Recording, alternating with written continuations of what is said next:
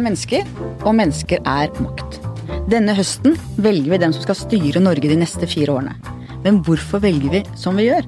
Hva er det som bestemmer hvor vi kjenner oss mest hjemme, politisk og ideologisk? Reklamefolk er blant dem som vet mest om å treffe nordmenns instinkter og følelser. Reklamemann Kjetil Try, velkommen. Takk skal du ha. Du er selv en helhjertet og lojal Arbeiderpartimann. Hvorfor det egentlig? Det skal vi komme tilbake til. Aller først reklame. Jeg og kjæresten min vi hører på lydbok eh, når vi ligger i senga før vi skal sove. Og det som er en fordel på appen, er jo at man kan sette på sovemodus. Ja, for jeg pleier jo alltid å sovne før deg. Det er veldig koselig å dele en bok på den måten. Ok, skal vi høre på en ny Erlend Lo. Ja, i furua. God natt, da. Doppler kom ut av den dype skogen. En time Med Storytel får du ubegrenset tilgang til tusenvis av lydbøker direkte fra mobilen din. Prøv Storytel gratis i 30 dager på storytel.no skartveit. Kjetil Try, selve nestoren i norsk reklamebransje. Jeg har invitert deg fordi at du er en ivrig og sterk tilhenger av Arbeiderpartiet, men ikke profesjonell politiker. Så du er ikke bundet til å forsvare hver eneste post i partiprogrammet, eller forpliktet til å måtte svare for ditt partis stemmegivning i hver avstemning i Stortinget de siste fire årene.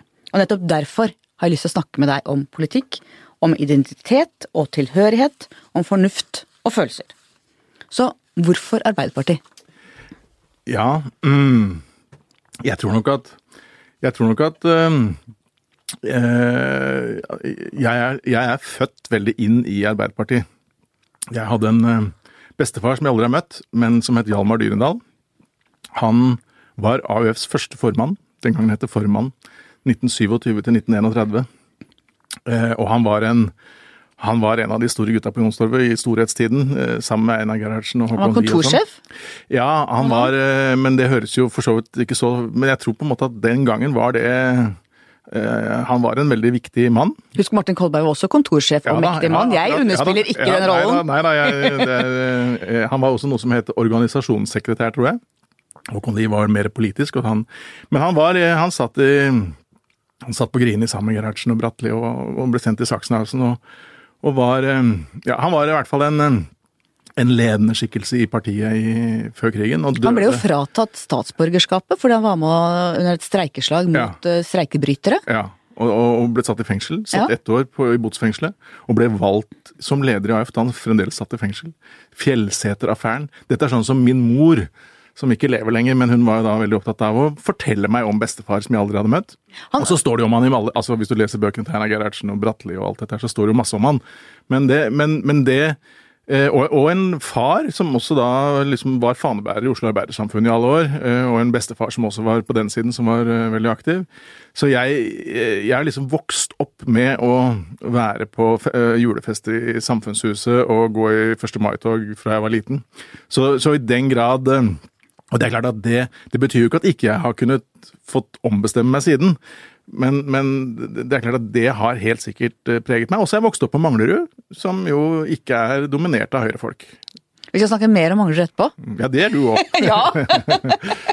Men hvor mye av valget ditt handler om fornuft, og hvor mye handler om følelser? Det tror jeg eh, er litt eh, forskjellig fra menneske til menneske. For din del, da? Jeg vil tro at eh, Det er veldig vanskelig å si. altså Noen vil jo, Enhver uh, høyremann vil jo si at jeg er ganske ufornuftig. eh, eller at det, her er det mye følelser ute og går.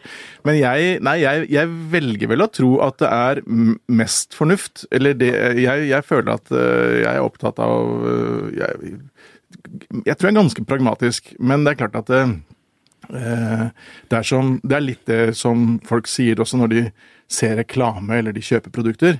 Nei, nei, nei, de lar seg ikke påvirke av reklame, og de lar seg ikke påvirke av det, men de gjør jo det. Selv om de føler at de tar veldig rasjonelle valg, og det føler mange, mange som stemmer også, så er det mer følelser i det enn det man tror, for veldig mange. Så jeg, jeg må vel egentlig legge meg litt flat og si at det er sikkert, det er sikkert mye følelser, men akkurat prosentandelen er jeg usikker på. Ja, for La oss snakke litt om akkurat sammenhengen mellom politikk og reklame. I et intervju for mange år siden så sa du at lykke er en knapp. Vi spiller på grunnleggende verdier. Det er det reklamen dreier seg om. Og vi er ofte, oftere ute etter å treffe folk i hjertet fremfor i hjernen hvis jeg får forbrukeren til å forelske seg først, og så gir han masse rasjonelle argumenter. eller unnskyldninger som hjelper han å ta en beslutning om kjøp, ja, så har jeg gjort en god jobb. Gjelder det samme i politikkens verden? Jeg tror det. Eh, Du kan si at eh, jeg, jeg, det, er, det er nok flere som, som skifter politisk standpunkt eller politisk parti nå enn det var før, men fremdeles er det jo veldig mange som holder fast på partiet sitt. Altså, de, de, de stemmer det samme hele livet.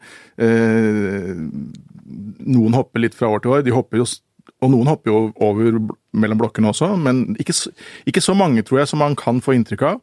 Men, eh, men jeg tror at eh, eksempel en sjarmerende partileder eller sjarmerende politikere eh, eh, eller folk du kjenner som du liker godt, som argumenterer bra, folk du ser opp til, eller en lærer du hadde, eller altså Det er klart at da er jo håper innpakningen, hvem som forteller deg ting, hvordan det blir fortalt, kanskje vel så viktig som, som de aktuelle sakene. Eh, så vil man jo helst si at det er sakene som betyr noe. Det er de politiske sakene som betyr noe. Og de betyr noe, selvfølgelig gjør det det, men jeg, men jeg, jeg, eh, jeg tror det er sånn at eh,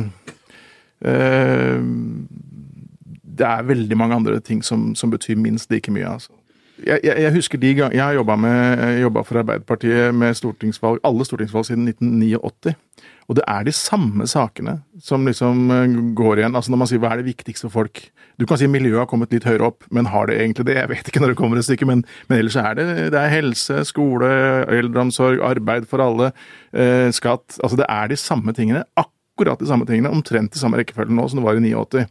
Så det betyr jo at selv om, selv om vi har fått internett, for å si det sånn, så har ikke verden liksom Vi menneskene er ganske like, selv om vi er på Facebook. Heldigvis, Ja, jeg si. ja eh, jeg vil jo egentlig også si det. Men, eh, men eh, eh, og, og det som betyr noe, er jo veldig ofte de tingene som, eh, som er de, de, de nære tingene. Og det er det er selvfølgelig arbeid. For de som er arbeidsledige, så er det kjempeviktig. For de som ikke er arbeidsledige, så er det ikke så interessant, kanskje. Det er masse folk som ikke tenker at det er, det er en utenkelig situasjon for dem å havne i. Uh, Utdannelse og skole er kjempeviktig for de som har unger.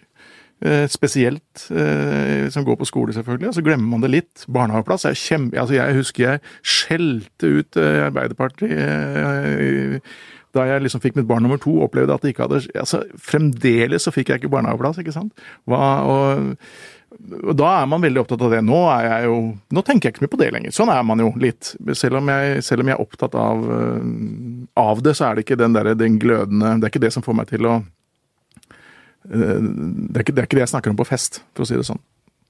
Og du har ikke kommet dit at du tenker på eldreomsorgen heller? Nei, det, men jeg, jo, jeg har det fordi jeg har jo hatt gamle foreldre, og jeg har og svigerforeldre og sånn, men, men nei, jeg er ikke jeg, jeg tenker jo generelt at vi, at vi har det veldig bra.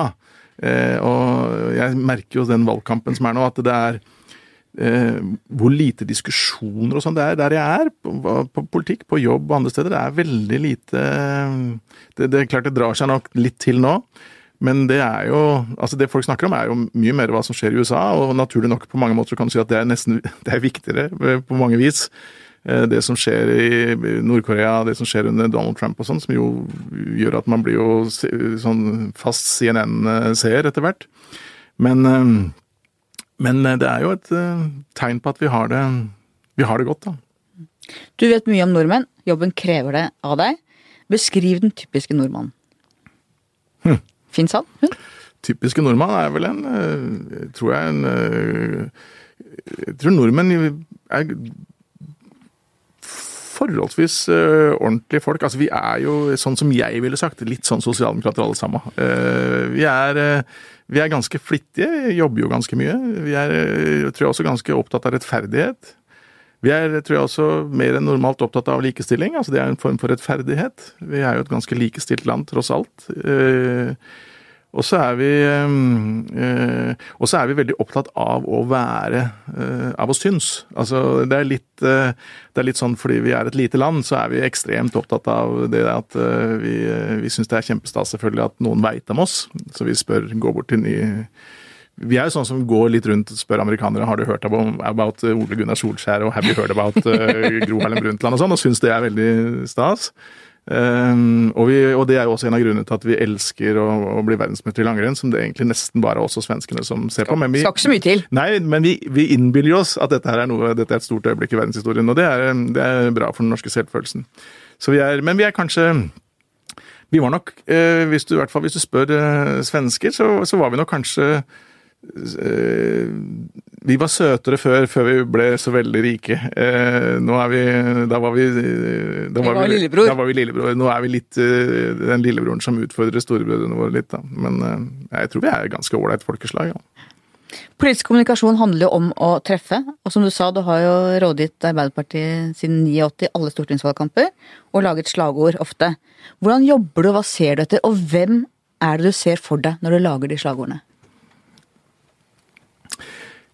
Aller først må jeg si at jeg tror vel egentlig ikke at det er slagordene som avgjør valgkamper, men slagord kan være eh, bra for et parti å diskutere fordi det, det betyr noe om hva de skal prioritere. Eh, og så er det et slags sånn fyrtårn for ikke minst eh, partiorganisasjonen at det er altså helse og eldre først. Ok, det er liksom det, det, det signaliserer til velgerne at vi syns dette er aller viktigst. Så kan du si at det å lage gode politiske slagord eh, som virkelig lager vei i vellinga, det, det, det, har, det, er- noen eksempler på det. og så kan, eh, I hvert fall sånn i ettertid så kan man liksom eh, si at eh, i USA, nei, i London så hadde de et veldig eh, Det var, en, det var svære boards lange køer, og så det 'Labor isn't working'. Ikke sant? Altså De hadde noen Og så kan du si kanskje det var i ettertid at det blir genierklært, at ikke det var så viktig da, men, men, men det som det det handler om når man lager eh, når man lager politisk reklame, eh, er jo Én, tror jeg, sånn som med Gro, så var vi jo veldig opptatt nettopp å bruke Gro, som var trygghet. Hun Landsmoderen. Var landsmoderen, ikke sant. Vi hadde bilde av Gro med en liten baby i armene på boards og annonser. Det husker jeg. Og det var en eller annen sånn Det er det trygge valget. Du kan si For en reklamemann er det egentlig litt vanskelig å jobbe med Arbeiderpartiet fordi reklame veldig ofte handler om å gå nye veier, sjokkere litt, finne nye ting. Mens Arbeiderpartiet er jo også veldig mye Du skal få bekrefta at dette er, det, dette er det partiet jeg kjenner igjen, dette er det jeg kan stole på, dette er de som kan styre. Så du må tenke hvilke følelser du skal treffe, rett og slett. Ja, og, og, og du kan ikke bli Du kan liksom ikke lage reklame som på en måte tenker jøss, var det Arbeiderpartiet? De, de, de er jo ikke sånn. Det kan nok fløypartiene gjøre i større grad. ikke sant? Liksom sjokkere litt øh, og lage kulere eller morsommere eller eh, eh, mer sprelsk reklame. Arbeiderpartiet skal ha med seg ikke minst masse pensjonister som skal stemme. De vil kjenne igjen partiet sitt. Ha stø kurs. Ja, det er noe med det, men samtidig så skal det ikke bli for traust, ikke sant? For de skal også treffe ungdom, og de skal også vise at de kan fornye seg. Eh, Så, så det er jo en det, er en, eh, det der å favne så mange som Arbeiderpartiet skal gjøre, er alltid en veldig eh, utfordring. Men Går det an å definere den typiske Ap-velgeren?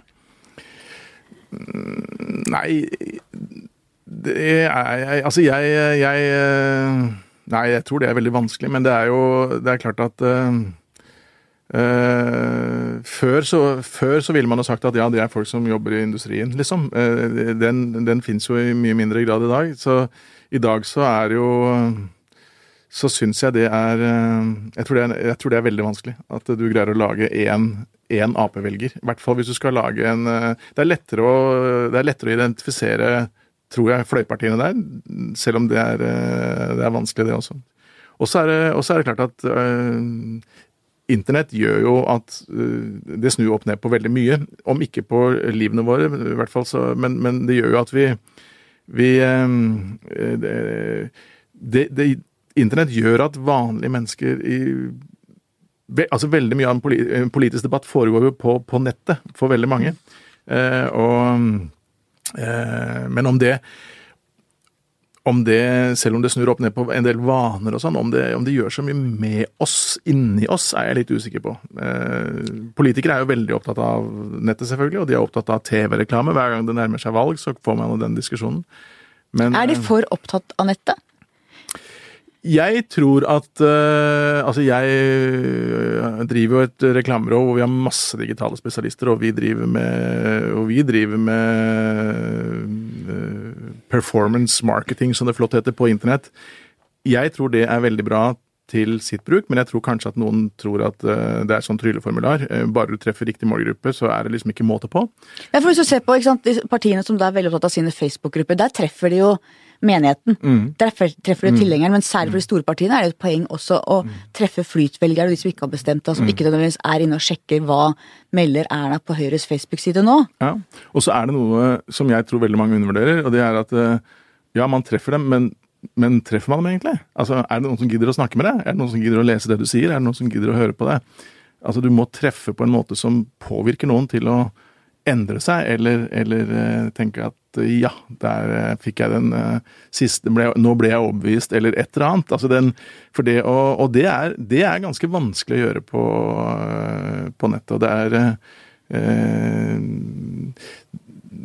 Du ser jo selv liksom å sitte på Facebook når du sitter på trikken med mobilen din og begynne å Alt det du bare blar rett forbi. altså det er eh, Men, men, eh, men de treffer deg på en måte. For de, de vet at du er den og den og, og leser eh, de og de avisene og har de og de vanene. Så tenker jeg at her er en men det, er, men det er ikke alltid like lett å fange oppmerksomheten og overbevise på Facebook. Det er lett å treffe, men det er bare halvveis, da. Men er det sånn at de ytterpartiene er, har mest å tjene der for at de har mest overbeviste velgere? Se for eksempel en som FrPs eh, integreringsminister, Sylvi Listhaug. Hun har jo en veldig lojal following. Hvordan vurderer du henne sånn fra et markedsføringsmessig synspunkt? Jo, men det er klart at eh, det er jo litt som Donald Trump. Det er, ikke noe, det er ikke noe vanskelig å si at sosiale medier og Twitter i dette tilfellet fungerer fantastisk for Donald Trump. Fordi alt han sier på Twitter blir gjengitt i alle medier.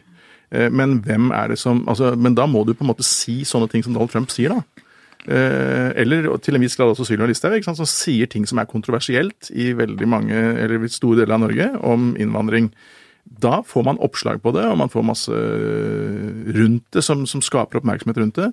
Da fungerer jo sosiale medier veldig bra. Men da er man helt avhengig av å ha på å si, budskap som sjokkerer på et vis. Da. Altså, eller i hvert fall eh, har den, eh, har den dynamitten i seg. Syns du hun er flink, eller? Sylvi Listhaug? Eh, ja, hun er jo flink til å få oppmerksomhet rundt budskap som jeg er veldig uenig i. Men hun skjønner jo eh, det. Det var jo Donald Trump òg, for så vidt. Altså, Hva er det hun skjønner som de andre ikke skjønner? Nei, jeg tror ikke hun skjønner noe andre ikke skjønner, men hun, eh, men hun er villig til å gå så langt at hun får den oppmerksomheten. Altså, En Arbeiderpartipolitiker vil jo gjerne ha all den oppmerksomheten som hun har i sosiale medier, men kan jo ikke si den type ting. Fordi det, det hun sier er mye mer kontroversielt. Eh, og, da, og da får du oppslag. Og så er det mange som uh, reagerer med sinne og alt dette her, men, men uh, og, noen, og noen mener jo at dette er en uh, ja, det er, det, At det kan minne litt om hvordan Donald Trump holder på. ikke sant? Og så, så skal jeg være veldig forsiktig med å sammenligne noen som helst med Donald Trump, men, men det er jo noe i hvert fall de samme mekanismene som skjer. At, at er du er du langt nok utafor det som er vanlige normer, er budskapene dine kontroversielle nok, så er sosiale medier eh, veldig egnet til å drive politikk. Nettopp fordi de andre mediene snapper opp. Ikke minst derfor. Og så får du veldig, veldig billig eh, markedsføring. Nå er det jo den store verdidebatten som raser nå denne valgkampen. Eh, Hvordan definerer du norske verdier?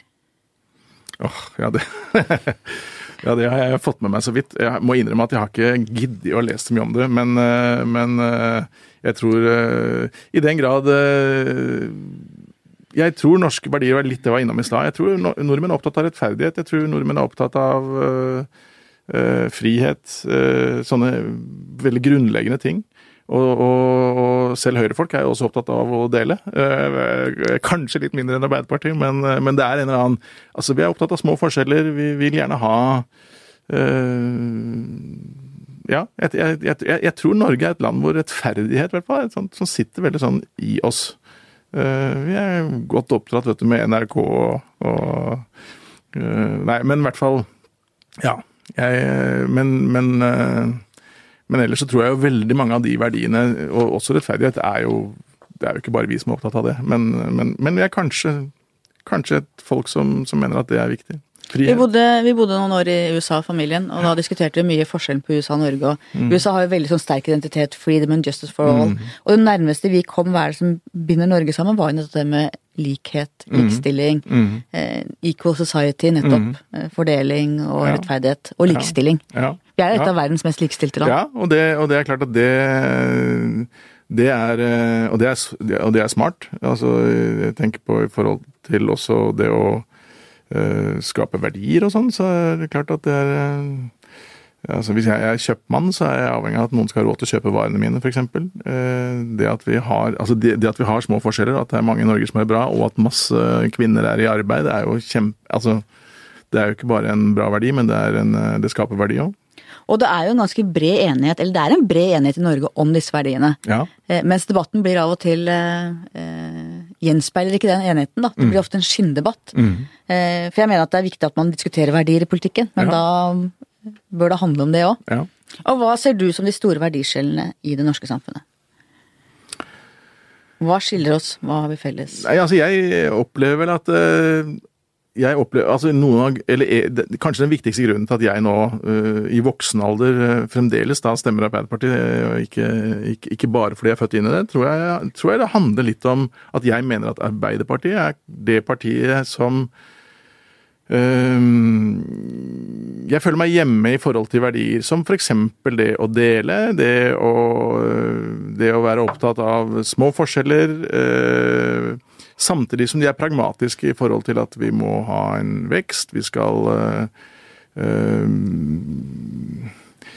eh, Det skal være lov å, å lykkes og bli rik i Norge også. Det er jo, det er jo også en ting som, som jeg mener er Det er viktig at Jeg tror det var altså, var det ikke Tage Lander som snakka om dette dansegulvet, liksom? De skulle lage gulvet, og så skulle folka danse selv.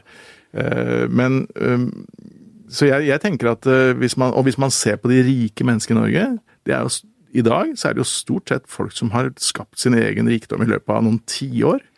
Mens man liksom tenker at eh, i Amerika er det så lett å bli rik.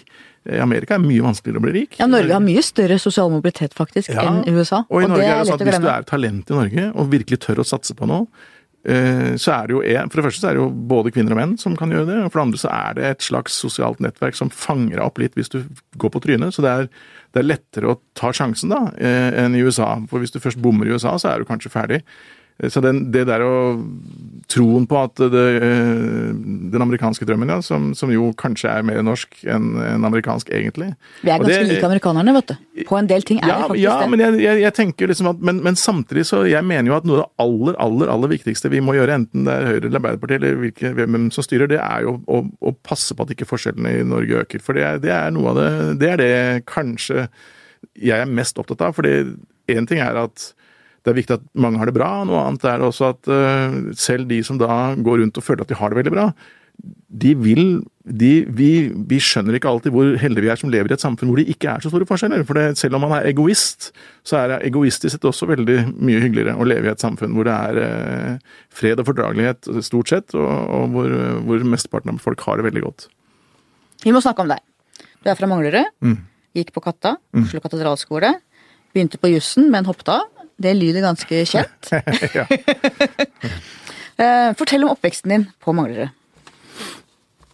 ja. Eh, Bare for å si kort, Jeg er også fra Manglerud, gikk på Katta og hoppet på jussen. Ja, ikke sant? Men gikk tilbake igjen. Ja.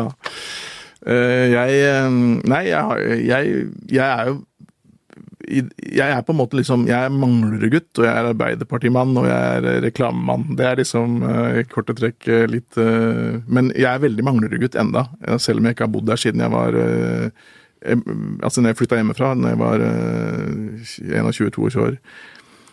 Eh, Men, eh, men, og det har nok også litt med at jeg jo da var veldig aktiv i ishockey, spilte i Manglerud Star. eh, Og det er klart at da blir man vel enda mer sånn opptatt av hvor man kommer fra. Men jeg, jeg, eh, jeg opplevde at jeg hadde en veldig bra oppvekst på Manglerud. Det, jeg, Manglerud var jo en av de første drabantbyene i Norge. Og det eneste som på en måte vi hadde til felles der, var at ingen skulle bli det som faren, faren din var, holdt jeg på å si, vi gutta. For det, det var jo liksom, det raska sammen folk fra overalt. Det var, Masse unger. Masse unger. alle, Det var sånn to og en halv unge per oppgang, liksom, eller leilighet. Eh, og, det, og det var vel eh, Og det var ikke Altså, da jeg Eller vi flytta dit da jeg var ett år. Da var det ikke var det trikk dit, og ikke var det politistasjon, og ikke var det Ja, det, skolen hadde akkurat åpna, liksom, men dårlig med butikker og så videre. Så kom jo Manglerud senter, og det kom T-bane og sånn etter hvert. Men det var en det var et jorde som, hvor de liksom stua sammen 15 000-20 000 mennesker, og så fikk de Ja, så får vi se hvordan dette går. Og det gikk jo bra for mange, men faktisk også veldig dårlig for en god del. Så jeg, jeg husker jeg hadde en sånn opptelling en gang hvor jeg var et radioprogram jeg skulle snakke om Manglerud. Og hvor jeg liksom gikk gjennom hvor mange av de som da var omtrent jevngamle med meg, som hadde, ikke hadde fått det til. Og som var borte, rett og slett. Og det var, eh, Da kom jeg liksom et sted mellom 20 og 30, og det var, det var mange. Så det var en det var en eh, Jeg vil ikke si at jeg hadde noen veldig sånn tøff oppvekst sånn. Og jeg hadde også en mor som var psykolog, og skilte foreldre, da, men en far som var jurist. Så jeg var jo ingen sånn typisk Manglerud-gutt. Jeg hadde altså foreldre med akademisk utdannelse. Eh, Men eh, jeg hadde da på den annen side bodd med en alenemor, da, som også var utypisk, så jeg gikk jo med nøkkelen rundt halsen fra da alle de andre kom hjem til, eh, til rundstykker etter skolen, så, mm, så hadde jeg, måtte jeg låse meg inn, og der var ikke, der var ikke alltid rundstykker, for å si det sånn. Og så hadde jeg en veldig Ble jeg egentlig litt tidlig tidlig voksen i den forstand at uh, mora mi da uh, flytta til, uh, til Sylling, til en, eh, en ny mann. Da var du kunne være med. 15-16 år? Ja. Altså, jeg eh, Ja, jeg var nok eh, Eller ja, jeg var Det krangla moren min og jeg i ettertid alltid litt om, da, hvor gammel jeg egentlig var. Naboene mente jeg var 14. Eh, Jeg tenker jeg var 15. Moren min mente jeg var 16. Men eh, si 15. Men det var klart at det var, det var en Det var både veldig spennende, selvfølgelig, men i ettertid så har jeg, så har jeg tenkt at det var også hadde litt dårlige sider, men begge, ja, virkelig begge deler. da. Jeg ble fort, ble fort voksen. Var du mest misunnelig på vennene dine som bodde med foreldrene sine, eller var de mest misunnelige på deg som hadde hele kåken for deg sjøl? Sikkert det siste. Men, men det er klart at det der, særlig det der å komme hjem om kvelden når det er helt stille i huset og, Du satte på sjømannsradio. Ja, ja, jeg satt på sjømannssendinga. Trengte litt stemme rundt ja, deg, liksom? Ja, jeg måtte, ha, jeg måtte ha noe lyd. Var du redd noen gang, eller? Ja, om ikke redd, så sånn litt sånn Jeg, jeg passa liksom Jeg satt og Jeg var opptatt av å ikke utsette meg for noe som gjorde at jeg ble deprimert og sånn, husker jeg. Altså, jeg, så alltid på Jeg gikk aldri på triste filmer. Jeg, jeg var sånn Jeg måtte Du liksom oppsøkte gleden på et vis? Ja, litt. Og så hadde jeg jo perioder hvor jeg var mye ute på byen for, for, å, for å slippe å være aleine, ikke sant. Altså, særlig der på å sitte aleine om kvelden og sånn. Og, og også når jeg da ble sånn 17-18 og veldig mange av vennene mine hadde kjæreste og sånn, så hadde jeg foreløpig da ikke det. Um, uh, ikke noe fast. Eh, men eh, Så det var eh, Matstell og sånn, hvordan var det? Nei, jeg var jo Jeg var jo Nei, jeg hadde, jeg hadde ikke sunt kosthold, for å si det mildt. Eh, men, hadde, men så hadde jeg en del mødre til kamerater av meg som syntes veldig synd på meg bestandig. Så bare jeg ringte på, så fikk jeg jo mat. Altså, det var sånn øh, De hadde nok eh, Ja, det var mange, mange, mange naboer som, var, som nok var litt bekymra. Og det var jo også sånn at uh, i den der jeg bodde, det var et rekkehus, så var det jo litt sånn Det var mye vi kunne spille poker et par døgn i strekk, og det var mye gangstere som var innom der. Uh, og, uh, men det gikk, Men hva, det gikk bra. hvordan har det forma deg etterpå, tenker du? Hva, hva er det i livet ditt nå som du kan liksom tilbakeføre til både de gode og de dårlige sidene ved å så tidlig bo helt aleine? Nei, de gode sidene er jo helt klart, tror jeg, at jeg blei veldig fort selvstendig. Flink til å greie meg sjæl. Eh, måtte ta ansvar for ting. Eh, og, og, og på godt og vondt komme gjennom det. det, det som, eh, men jeg merker jo at når jeg tenker tilbake på det, så kjenner jeg at jeg, at jeg får en sånn litt blanda følelse på det. At for eksempel ja, nå var jeg aleine på et sted vi har nede i Sverige. Eh, skulle jeg være der aleine et par dager nå før eh, resten av familien kom ned. Og da kjenner jeg den der, og det gjør jeg av og til når jeg regner, at jeg er ikke noe glad i det. Jeg kjenner at jeg er en sånn Jeg må sette på radio. Altså, jeg må ha, jeg må ha lyder. Eh, så det er vel eh, Det er vel et eller annet eh, Jeg var jo også en psykolog en- gang som eh, som, eh, som ble veldig opptatt av dette da når jeg skulle snakke om dette. Det er jo fantastisk. Det er nesten som å være hos deg. Sitte og snakke om seg sjæl i time etter time. Men, men da sa jeg da at jeg, får, jeg kan få litt sånn klump i maven, sa jeg. Og så sa han hvis du legger hånden på den klumpen nå, Kjetil, hva tror du den sier til deg nå? Da, men da måtte jeg gå. Da kjente jeg det Da, da, var jeg, da ble jeg litt usikker. Men, eh, men i hvert fall så var det Eh, Nei, jeg har ikke Jeg har snakka mye med moren min om det, og jeg mener at mora mi var en bra dame. Men hun sendte meg på inter da jeg var 14 nå, så det var jo Jeg, jeg blei tidlig voksen, men hun eh, Jeg mener at hun stort sett gjorde riktig valg, og jeg mener at eh, summa summarum så var det flere Flere gode sider ved det enn dårlige. Men det var litt av hvert, kanskje. Men du er en mann som styrer unna eh, triste ting. Ja, det gjør jeg ennå. Ja. Ja. Altså, Du vil se happy ending jeg på leser kinoen, liksom? bakpå filmen, holdt jeg på å si.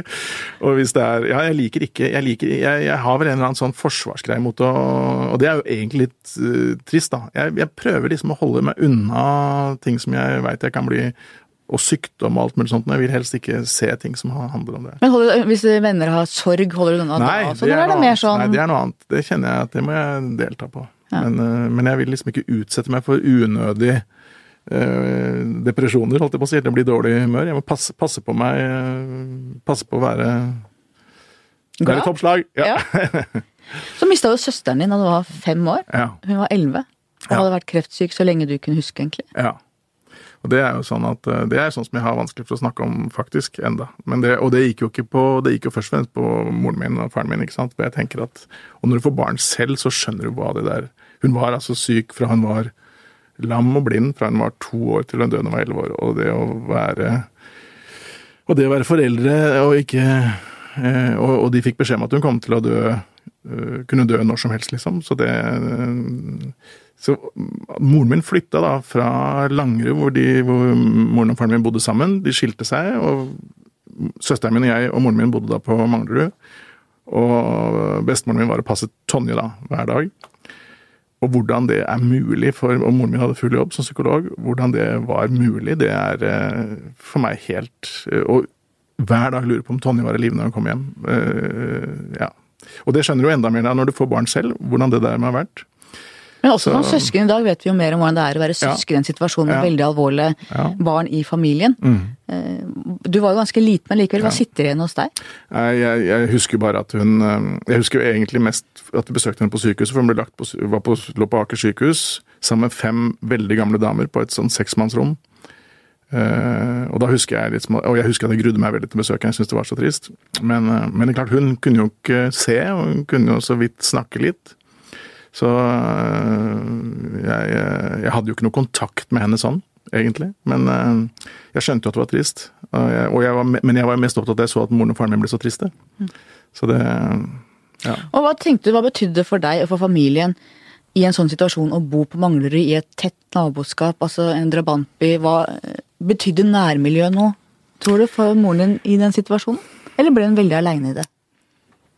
Ja, det, jeg tror ikke det betydde så mye, egentlig. Og hun var også en litt sånn fremmed fugl, for alle de andre damene holdt jeg på å si, var jo hjemmeværende. Hun var utearbeidende, kom hjem klokka halv fem-fem hver dag. Var ikke noen typisk ikke- mamma? Nei, hun vel, eh, var vel en eller to naboer hun hadde litt kontakt med. Og selvfølgelig, det kan godt hende at det betydde noe. Jeg vet jo ikke så mye om det, for jeg husker ikke så mye. Jeg var fem år, liksom. Men, men, eh, men moren min var, ikke, var aldri noe sånn veldig hadde ikke noe sånn veldig tett eh, naboforhold, bortsett fra kanskje én da jeg var liten, som, som var en uh, annen skilt uh, dame i litt, i samme situasjon. da. Men, um, men jeg merker jo, og jeg bor jo nå også i et slags Manglerud. Jeg flytta til uh, Ulv, like utafor Ullevål Hageby, da, men en, men i en gate hvor det er masse unger, eh, rekkehus. Og jeg kjenner at jeg liker det veldig godt, det der å ha være nær folk hvor det er lyder, ikke sant? Det er, øh, det er lyder og liv. Jeg vil ikke bo i noen villa med stor hage og langt til nestemann. Så det, er, øh, det, er, det sitter nok litt i det der, altså. Ja, for dette har jeg tenkt å komme tilbake til, nemlig din eh, villabeboelse. For at eh, du har slått sammen to rekkehusleiligheter, og bor da i dette rekkehusmiljøet. Og er det drabantbygutten, tenker jeg da. ikke sant? Kooperasjon, Samvirkelaget, Obos, Landsbanken. Altså er det din identitet som drabantbygutt og Arbeiderpartiet, eller din Jeg det tror jeg- du handler om, på en måte? Jeg tror i hvert fall at det er Jeg tror i hvert fall at det handler om, eller mer kanskje, at jeg syns det er eh, veldig hyggelig å ha mennesker eh, i nærheten. Eh, ikke nødvendigvis folk som du liksom snakker med og går og drikker kaffe med hver dag, men det der å ha et slags sånn følelsen av et slags fellesskap i gata. Mange som er unge på samme alder. Av og til så spiser man middag hos hverandre. altså det, det, Døra kan være åpen, ungene kan løpe ut og inn. Det, og det er jo sikkert også veldig mye fra den, min egen oppvekst med Manglerud, at det var den, den følelsen. At eh, ja, det var en haug med unger, som du sier. Alle hadde to og en halv unge hver. Og så, og så pælma dere dem ut om morgenen, og så øh, ble vi ropt til om kvelden. Men, men så jeg, og det, det liker jeg veldig godt. Jeg synes det er en, øh, Og så er det veldig viktig for meg at Jenny, dattera mi, har det bra. Og det er og jeg tenker at øh, det med det å vokse opp et sted Vi, vi undersøkte jeg hadde sånn, hvor mange unger var i den gata på den alderen når vi flytta dit. For å sikre at det skulle være mye lekekamerater. Tilhørighet er viktig. Eh, er du mest fra Manglerud eller er mest fra Oslo? Mest fra Manglerud. Nettopp for at vi er jo, Norge er jo egentlig et slags bygdesamfunn. Mm. Jeg er også veldig fra Manglerud, mer fra Manglerud enn fra Oslo, på en måte. Mm. Vi er et bygdesamfunn, også de som er fra byen, egentlig. Ja, nei, det er øh, Ja. Nei, jeg, jeg, øh, jeg, kjenner, jeg har vel Oslo-tilhørighet også, men det er men det er eh, Altså, når jeg kjører av og til når vi kommer hjem fra, fra feriestedet vårt nede i Sverige, så kjører jeg med vilje enbakveien, og så tar jeg av, og, så ned, kjører, og da blir Kari sånn Hva er det du skal nå, Kjetil? Nei, jeg skal bare Å, det, ikke sant? Hun blir, for da, og da må jeg alltid Ja, det, det treet der, når jeg satt Det klasserommet hadde jeg, og da var, den, da var det treet så stort. Men jeg sier det litt for fleip, men jeg, jeg kjenner at jeg har lyst til å snakke om det hele tiden. Jeg er veldig nostalgisk. Og så kjører jeg fort forbi der jeg bodde, for jeg vil ikke se hvordan det er blitt nå. Men, men jeg kastet et blikk inn liksom for å se, og er egentlig litt, for, litt irritert fordi jeg har lagd nye garasjer og flytta søppelkassene. Men, men jeg skjønner at det, sånn er det. Hvordan opplevde du øst og vest under oppveksten, og hvordan ser du det nå? Skillet mellom øst og vest i Oslo? Ja, du vet hva, det er eh, litt sprøtt, fordi at Eller nei, det er ikke sprøtt i det hele tatt, men eh, det, det var litt rart, fordi eh, jeg eh, Jeg tror aldri vi tenkte noe særlig på det.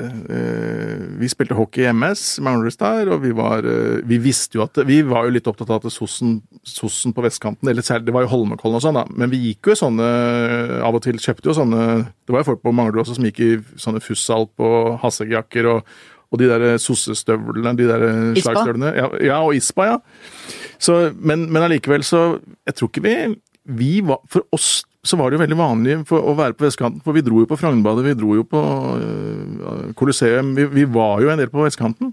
Jeg ble jo litt sjokka da jeg begynte å jobbe med folk som kom fra vestkanten, og som på en måte aldri hadde vært liksom på Karl Berners plass. Hadde ikke vært på Manglerud, ikke, de ante ikke hva det var. Ja, skummelt. Ja, men ja, De hadde liksom ikke noe grunn til å dra på østkanten, for det var ingenting der. Annet enn Munch-museet, og der var det veldig få ungdommer som gikk. Eh, og kanskje Tøyenbadet, ikke sant, men de var på Frognerbadet.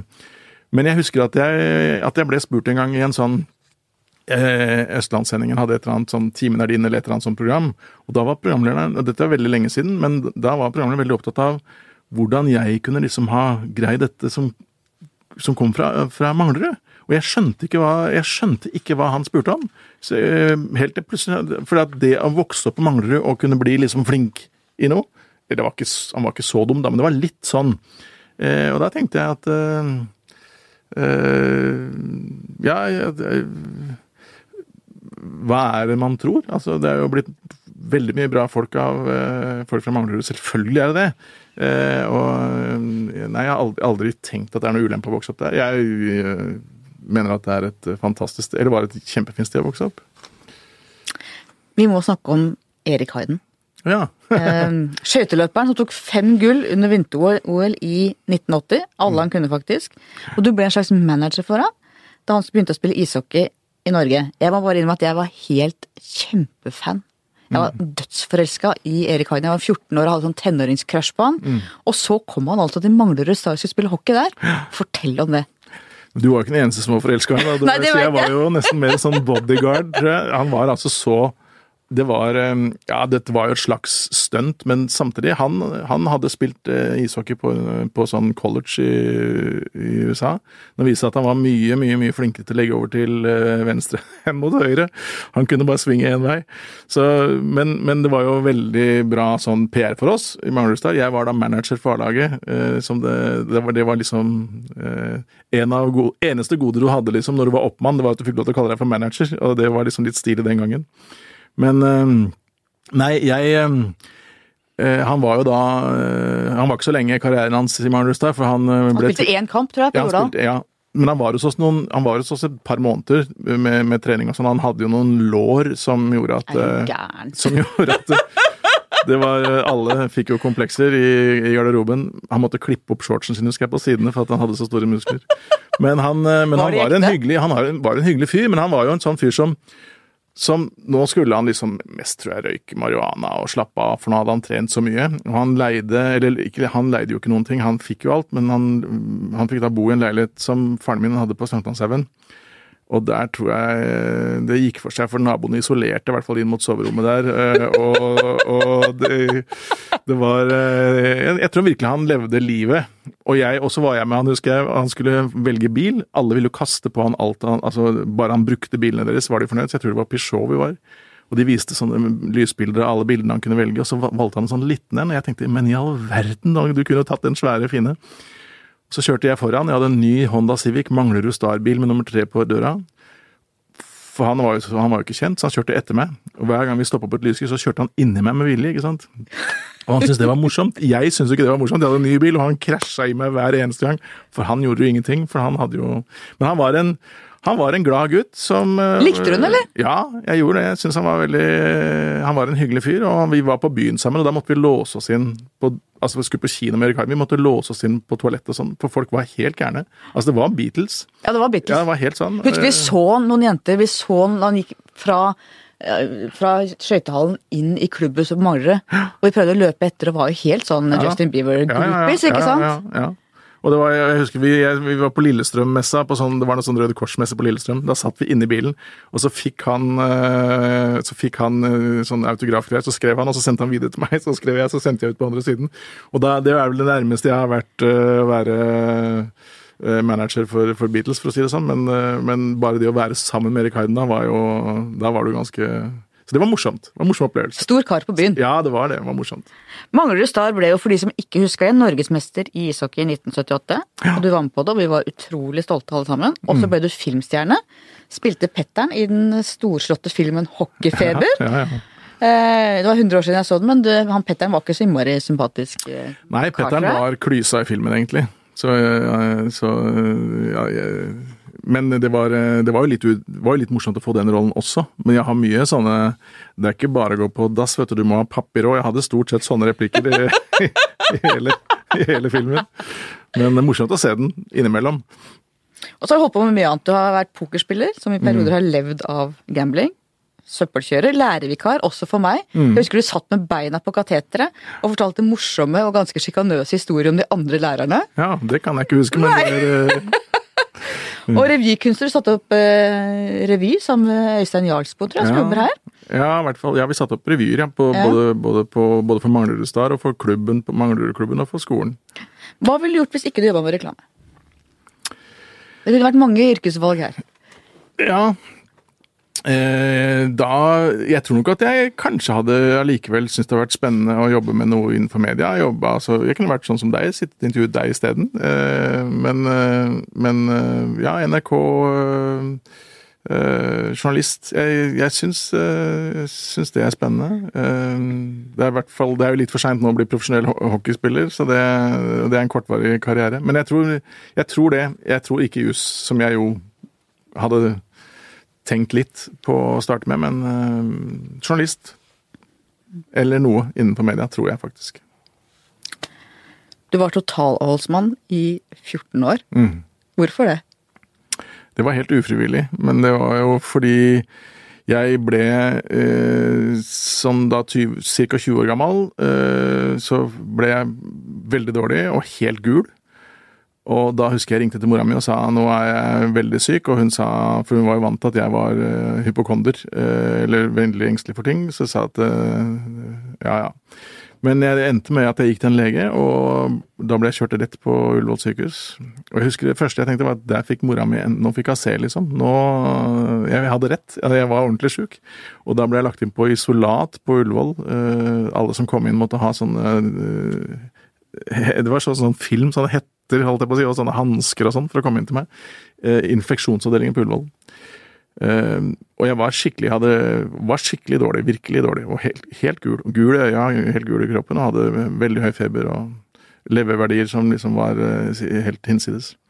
Men så greide de aldri helt å finne ut hva det var. Jeg ble jo etter hvert bedre etter noen uker, men eh, Og så fikk jeg da beskjed om at uh, jeg måtte ikke drikke på et år, for det var sånn det skulle være hvis du hadde hatt noe med leveren. Men de, det var ikke hepatitt A og ikke hepatitt B, og ikke det som den gangen het non-AB, um, som nå heter hepatitt C.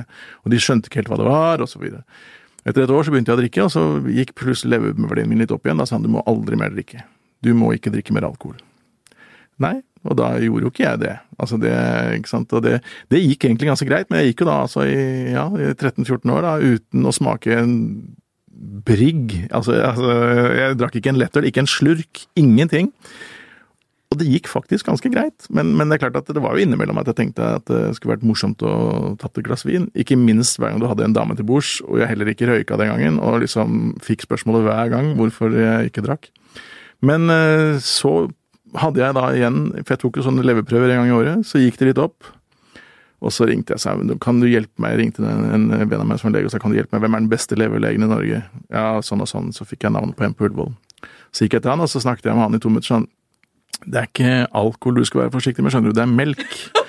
Og da kjente jeg jo at den erstatningssaken jeg skulle legge mot Ullevål sykehus Men, Men var det flaks eller uflaks? Altså Var det bra for deg? Kanskje du levde jo litt Ja, det, jeg har jo av og til tenkt at det er en eller annen kraft der oppe som, som passa på at uh, nå tror jeg vi skal frata han, uh, frata han det, det stimulerende livet. Men uh, Nei, så det Og siden har jeg da Men jeg har vært, alltid vært litt forsiktig med det. Men har jo, nå har jeg et normalt alkoholforbruk, vil jeg si. Men det var, det var klart det, det et stivt stykke. Det må ha vært en mening med det hele, tenker jeg. Det må ha vært du håper i hvert fall. Men det var utrolig interessant hvordan, eh, hvordan, du ble populær på fest når klokka begynte å nærme seg to, og, og, du sa du skulle hjem, og det var jo like ved Furuset, hvor eh, noen andre bodde. Så jeg kjørte Jeg ble jo veldig godt kjent i Oslo. Kjørte folk hjem fra fest, husker jeg. Alltid edru, alltid bil. Men eh, ja. Men det gikk, det òg. Alt går. Ja. Du har i alle år vært en av Jens Stoltenbergs aller nærmeste rådgivere. Du er ikke valgt til nå har ingen formell posisjon. Mange vil si at du er et av Norges skjulte maktmennesker. Hvordan definerer du din egen rolle? Uh, nei, jeg definerer jeg, jeg, tenker ikke så veldig nøye over det, men, men jeg har vært med å diskutere statsskift, ja, de virkelig ja. de innerste, ja. vanskeligste avveiningene til landets mm. statsminister gjennom mange år. Mm. Flere statsministre, til og med. Jeg jobbet jo ikke Ja, det er jo klart det er jo Jens jeg har jobba med men da har jeg jo da vært en blanding av kamerat og rådgiver. Jeg jobbet jo også ganske tett med Gro, og også med Torbjørn i valgkamper. Men, Gro Harlem Brundtland Torbjørn Jagland. Ja, mm. ja. Men eh, nei, når det gjelder Jens, så, så, er det jo litt som han skriver i boka si, at, eh, at eh, jeg har jeg, jeg, tror nok det kanskje begynte litt med For det første så var jeg jo AUF. Altså jeg var jo politisk engasjert. Jeg har også vært på Sørmarka på skolepolitiske konferanser og den type ting. Men, eh, men jeg, var en, jeg, var en, fyr som hadde en veldig annen bakgrunn enn Jens, eh, og som eh, av og til kunne se at han, at han trengte litt hjelp for å skjønne de folka som jeg kjente, som ikke han kjente så godt. Men jeg tror at Du representerte folket, på en måte? Nei, men, ja, men det gjør jo han òg. Men altså, vi representerte litt forskjellige. Jeg kjente mer til de folka på Manglerud enn det Jens gjorde, som ikke hadde vokst opp på Manglerud. Det var jo naturlig. Og, og Jens var jo veldig sånn jeg husker han sa men det sto jo i lederen i, i, i Arbeiderbladet. Så sa jeg men du skjønner ikke alle som leser lederen i Arbeiderbladet. Det var litt sånn. Men, dette, men i hvert fall så Vi har jo alltid vært fra vi begynte på Katta, kjempegode venner. Eh, og vi har jo og er jo Så jeg, jeg Så tror jeg også at jeg har Han, han har jo da brukt meg som uh, rådgiver fordi han syns at han har fått god råd, eh, det ligger jo i korta, men også fordi jeg tror han Jeg er jo en av de få som da han har kunnet stole 100% på og gir veldig ærlig råd, for jeg har liksom ikke noe å tjene på å være jeg holdt å si, uh, hyggelig med han, smiske med han. Jeg har ikke noe karriere, jeg skal ikke ha noe, vil ikke ha noe, har ikke noe karriere i Arbeiderpartiet. Så jeg har jo vært innimellom uh, veldig, veldig åpen på uh, når jeg syns han har vært tjukk i huet eller gjort dumme ting, og det tror jeg på en måte det er ikke så veldig, Når du er toppolitiker, så er det ikke så veldig mange som kanskje ikke har en egen agenda også, eh, når man på en måte skal snakke med folk. fordi at de Ubevisst, kanskje, men hvis du skal gjøre en karriere i politikken, så er kanskje ikke det beste du kan gjøre, er å, å liksom uh, skjelle ut partilederen eller statsministeren, men Har du hatt muligheten til å få en posisjon noen gang, eller? Hvis du hadde villet? Kunne du blitt statsråd i Norge? Sagt igjen Jens at 'Høra Jens har vært innmari kult og vært eh, Eh, det, altså, det Har dere snakka om det? Nei, egentlig ikke. Nei, For det har liksom aldri, aldri vært aktuelt i det hele tatt for meg. Så det er Jeg syns jo at jeg har vært veldig Jeg har vært veldig heldig i den forstand at jeg har fått Jeg har jobba med øh, både da profesjonelt gjennom reklamebyrå og, sånn, med, med parti tre statsminister i Norge. Og, på, og da sitter du liksom sammen med dem. ikke sant? Altså Du kommer jo på et nivå, og særlig Gro. Gro som for så vidt føler at hun kan det meste, og hun kan jo veldig mye òg, men dette følte hun ikke at hun kunne. Og da liksom legger hun ting virkelig Kjetil, hva mener du om dette? Eh, Du får veldig tillit. Eh, Den gangen å være reklamemann og jobbe med partipolitikk var jo noe som ble sett på som veldig sånn Det var noe skummelt. Det var, husker jeg en gang jeg satt på, på gamle Dette gamle sentralstyrerommet på, i Arbeiderpartiet, så eh, skulle vi ha et møte med, med, med Gro, og så ser vi eller så ser da noen at hun kommer fra regjeringsbygget nedover med masse journalister etter seg. Dette var i 91 eller noe sånt, nå, før EU. Og hva gjør vi med Try? Det kommer journalister sammen med Gro. Så det ble, da ble jeg liksom gjemt inni et sånt Ikke et kott, kanskje, men det var i hvert fall et forlatt kontor eller et eller annet. Og hun kom sammen med Ingvar Carlsson, den svenske statsministeren. Og der ble jeg liksom skjøvet inn, og så kom journalisten og Gro inn. Og, så, og når de var gått, så liksom lukket opp Ja, og her er vår, her er vår reklamemann, Kjetil Try. Husker hun presenterte meg for han Ingvar Carlsson. tenkte jeg det var en sånn merkelig uh, Du var litt spedalsk på en måte. ja, ja, altså for det, det, det man, man holdt seg ikke med slike, ikke sant? Altså PR-folk og reklamefolk, det var, eh, det var eh, eh, Det ville man ikke vise fram. Så, så, så det var en helt annen Det var en helt annen eh, eh, Ja, det var i hvert fall Det, det, var, det var ikke så vanlig. Eh, Og det, det fantes jo nesten ikke PR-byråer den gangen. Altså Det var vel kanskje ett eller to, men det var eh, Og Kanskje hadde Gelmyden starta da? ja, det er mulig. Eller Børs og Marsteller. Men uansett, det var liksom ikke vanlig. Og da, og da var det veldig sånn Da var det ikke måte på hvilke triks vi kunne, ikke sant. Altså, det var, vi var jo nærmest tryllekunstnere. Så mm, Men, eh, men jeg Jo, jeg har fått vært med på å diskutere masse spennende ting, og det er klart at det er Det er jo veldig gøy når man er interessert i politikk. Eh, Så er det jo andre heldigvis enn meg som har tatt avgjørelser, men jeg har vært med å kunne påvirke dem. Det har jeg faktisk. Hva tenkte du da Gjørv-kommisjonens rapport kom? Rapporten som evaluerte beredskapen forut for og under 22. juli, terrorangrepet, og som konkluderte med massiv svikt. Kom du med noen råd til Stoltenberg, som da var statsminister? Eh, eh, dette er ting som uh, Som ikke står noe om i boka til Jens, og som jeg tenker heller at ikke jeg skal snakke så mye om. Jeg har vært, jeg har vært veldig opptatt av å ikke det var, veldig, det var en del når Jens skrev den boka som ble veldig overraska over at jeg hadde hatt en sånn posisjon, og det syns jeg for så vidt var egentlig ålreit. For har, jeg har tenkt at, tenkt at det, det er, eh, det er eh, Når du er bakmann, så er du bakmann litt. Derfor så, så er jeg ikke så opptatt av, eller vil jeg helst ikke snakke så mye om ting som ikke er offentlige. Eh, Men at jeg har vært en rådgiver, det har jo Jens skrevet om, så det er, det er jo for så vidt helt åpent og greit. Men, så jeg har ikke lyst til å svare på det, egentlig. Ok, men Hvis vi ser bort fra hva dere har snakket om, hva tenker du etter burde han ha trukket seg den gangen? Eller Mm. Nei, var det jeg- riktig han å bli sittende? Jeg syns han gjorde det riktige. Ingen... Jeg vet at du er uenig i det. Ja, det er uenig i det, og det er en helt ærlig sak, det altså. Uh, og jeg, det vil jeg mene, tror jeg, alltid. Ja. Men uh, det at ingen trakk seg som følge av svikten i beredskapen, Mm. hva gjør det med tilliten ute blant folk? Så store svikt og ingen konsekvenser for noen. Nei, altså der, eh, der eh, jeg, jeg har jo sett at du er opptatt av dette. Jeg tror jo at øh, Jeg tror jo at øh, det norske folk øh, eh, det, er, det er et kjempevanskelig spørsmål, men jeg, jeg jeg er ikke så sikker på om jeg, men Uansett, jeg ser alle katastrofer som skjer i verden, så skal noen stilles til ansvar. Og på en måte så er jo det bra. Men veldig mange av disse tingene som skjer, enten det er eh, terrorangrep eller det er eh, jordskjelv for den saks skyld, så er det jo alltid noen som skal ha skylda. ikke sant? Fordi husene ikke var bra nok, eller fordi at noen ikke hadde gjort jobben sin og alt dette her. Men, eh, og jeg tror det er riktig at man, man Og det er riktig av pressen og det er riktig av media å fokusere på ting som går gærent. Og det, er, og det har jo skjedd en del ting i forhold til i hvert fall så, altså politi, beredskap, helikopter. altså Det har jo i hvert fall burde ha skjedd en del ting. De har fortsatt ikke fått helikopter. Nei, og det, og det er klart, det er sånne ting som Men, men, men det at, eh, at noen hele tiden skal gå av um, Det er den ene gangen VG har skrevet det på ja, lederplass. ja, Aldri ja, ja, nei, ja, med statsminister. Nei, ja.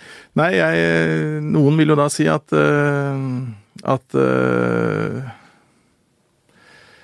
eh, Altså, jeg, jeg, jeg tror ikke det er et krav hos det norske folk. Jeg tror ikke de er så opptatt av det. Jeg tror ikke de Og jeg syns jo også at uh, måten det ble håndtert på i ettertid, var uh, veldig bra av, uh, av den regjeringa. Altså i forhold til alt sorgen og alt det som skjedde rundt. Men Men ja, det er det er, det er et vanskelig spørsmål. Jeg er helt enig i det. Eh, Hva er rollen din nå, som Jens er ute? Rådgir du ham i Nato? Ja ja, nå kan jeg alt om Russland, Putin, Trump. ja, jeg send, send inn noen MIG, sier jeg. Sånne MIG-fly. Nei, det, det, jeg må innrømme at min kompetanse på uh, militære strategier i Men jeg snakker Nå ble jeg litt beroliget, tenkte jeg. ja, ja, ja, det, Men jeg snakker jo med Jens uh, stadig. Det er ikke så lenge siden vi spiste middag sammen. Men, men jeg hører jo Jeg syns det er veldig spennende å høre om det livet han lever nå. Eh, Den jobben har jo blitt mye mer spennende gåsetegn enn det han hadde tenkt. Litt for spennende, tror jeg.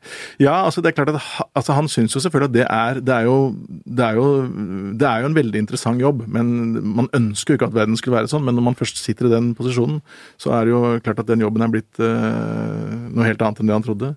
Men, eh, men nei, vi har god kontakt og er eh, Og vi diskuterer han er jo fremdeles også opptatt av hva som skjer i norsk politikk, ikke sant? så han ringer jo og spør om øh, ja, hva jeg mener om ditt, og hva som skjer, og hvordan det går, og hva jeg tror, og så videre.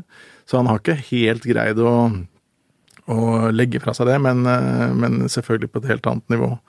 Ellers fordi han var jo ekstremt opptatt av øh, å følge med, ikke bare i politikken, men også i, i media, og hvordan, hvordan er ståa, hvordan ligger vi an, hva, hva tenker folk? Eh, Og det var vel et av hans eh, store fortrinn også som politiker, tror jeg, at han var veldig opptatt av det. Det må man jo være, tror jeg, hvis man skal vinne valg. Og hvor tett er du på Jonas Gahr Støre? Eh, altså Jonas har jeg kjent eh, siden begynnelsen av 90-tallet. Og vi har jo jobba sammen i valgkamper, Jonas og jeg, han var stabssjef og sånn. Eh, jobba for Jens, jobba for Gro, jobba for Torbjørn. Så, eh, men nå er jeg Nei, jeg har ikke Jeg har jo ikke Try reklamebyrå lager jo Vi gjør jo litt, eh, jobber litt for Arbeiderpartiet, som vi ofte gjør. Vi, men jeg har ikke den Altså, jeg har jo ikke den øh, øh, Vi er jo ikke så nære som jeg og Jens var. Så, så sånn sett så Men jeg, det hender at vi ringes og snakker sammen. Så Og Støre og Stoltenberg er ganske ulike som typer. Hva mener du er de største forskjellene og de største likhetene mellom de to? Jeg syns det er lettere å se likhetene egentlig enn forskjellene. Altså Det er mye som er likt. Altså Begge er vokst opp på vekstkanten. Begge har akademisk utdannelse. øh, begge er øh, verbale, flinke unge menn på omtrent samme alder. Så det, er lett å se. Forskjellene er øh, Du kan si at Jens er jo, eller var jo, øh, holdt jeg på å si, en, en politiker som var vokst opp med holdt på å si, skoledebatter, og han har liksom diskutert politikk siden han var tolv år. og, og, og det merker du når du ser på sånne debattprogrammer også. De, de som har holdt på med skole, eller diskusjoner i gymsalen på skolen, Trond Giske og disse her, altså de har en eller annen måte å snakke på ofte, mange av dem, som, som liksom de har lært seg der. Eh, Det har jo ikke Jonas. Eh, Han, eh, han eh, han var jo øh, Han kom jo seinere inn som politiker, selv om han var, Han var byråkrat lenge. han var Ja da, han var byrå, men det er klart at han, han var jo en, en slags politiker som byråkrat. i hvert fall det. Han, han jobba jo tett på Gro, blant annet. Og, øh, men øh, Og har jo en litt annen måte å diskutere på, og litt annen måte å Men øh, Og de har begge akademisk utdannelse. Altså, de er øh, ja, Nei, så jeg, jeg, jeg, jeg syns det er mye lettere å se hvor, hvor, hvor de er like, eh, egentlig. Eh, smarte gutter begge to, ikke sant. Det er jo det. Eh, og menn, kanskje, til og med. Eh, vi må vel innrømme det at vi er blitt eh, voksne. Eh, Men Støre har jo et annet forhold til religion enn Stoltenberg. Hvordan ser du religionens plass i det norske samfunnet? Jeg ser jo at hver gang jeg tar sånne velgerautomater til VG og Aftenposten, så får jeg KrF opp som annet valg. Gjør du det? Ja. Og hva kommer det av, tror du? Jeg vet ikke, jeg blir like sjokkert hver gang. Jeg Tror du på Gud selv, eller? jeg? Prøver.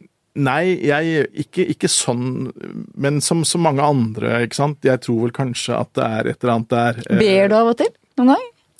Jeg gjorde det av og til når jeg var eh, gutt. Når du satt alene i rekkehuset Ja, ja, ja. Eh, Når slutta du? Nei, jeg vet ikke om jeg har slutta, men jeg har kanskje ikke hatt, følt at jeg har hatt noen grunn til det. Men det er en eh, Det er vel en sånn eh, eh, Men jeg er ikke Nei, jeg vil, jeg vil ikke si at jeg er at jeg tror på Gud, og jeg vil ikke heller kalle meg veldig religiøs, men jeg, men jeg, men er vel som mange en som ikke helt utelukker at det er, det er så mye jeg ikke Eller vi ikke skjønner. Så, og det ene er jo Altså, det blir rart uansett. eh, og at det, er, at det er noen At det finnes en eller annen kraft eller noe der eh, ute som Og det er klart at eh, Og jeg har jo opplevd eh, foreldre som Begge mine foreldre er døde. eh, og jeg husker min mor, for eksempel, som da merker liksom når hun nærmer seg altså Som Nei, ville ha prest i begravelsen, og, og så ser jeg jo liksom at man Ja, det er, det er en om ikke annet en trøst, en, det å ha noe å tro på. At uh, i sånn, når man nærmer seg en sånn Hva avslutning på livet og sånn, så Hva tror du skjer etter døden, da?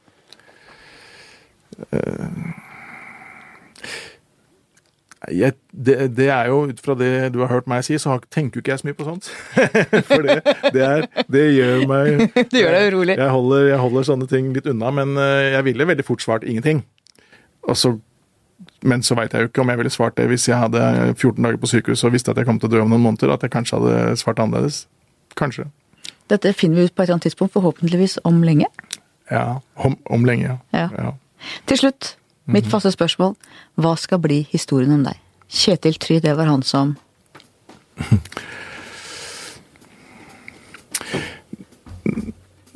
his, historien om meg Jeg tenker at uh, jeg har vel et uh, Jeg har vel et ønske om å være en hyggelig fyr. Jeg, uh, en god far.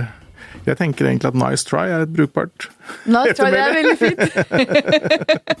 Tusen takk for at du kom. Takk skal du ha. Takk til deg som hørte på. Takk til vår faste produsent Magne Antonsen. Vi høres igjen neste uke.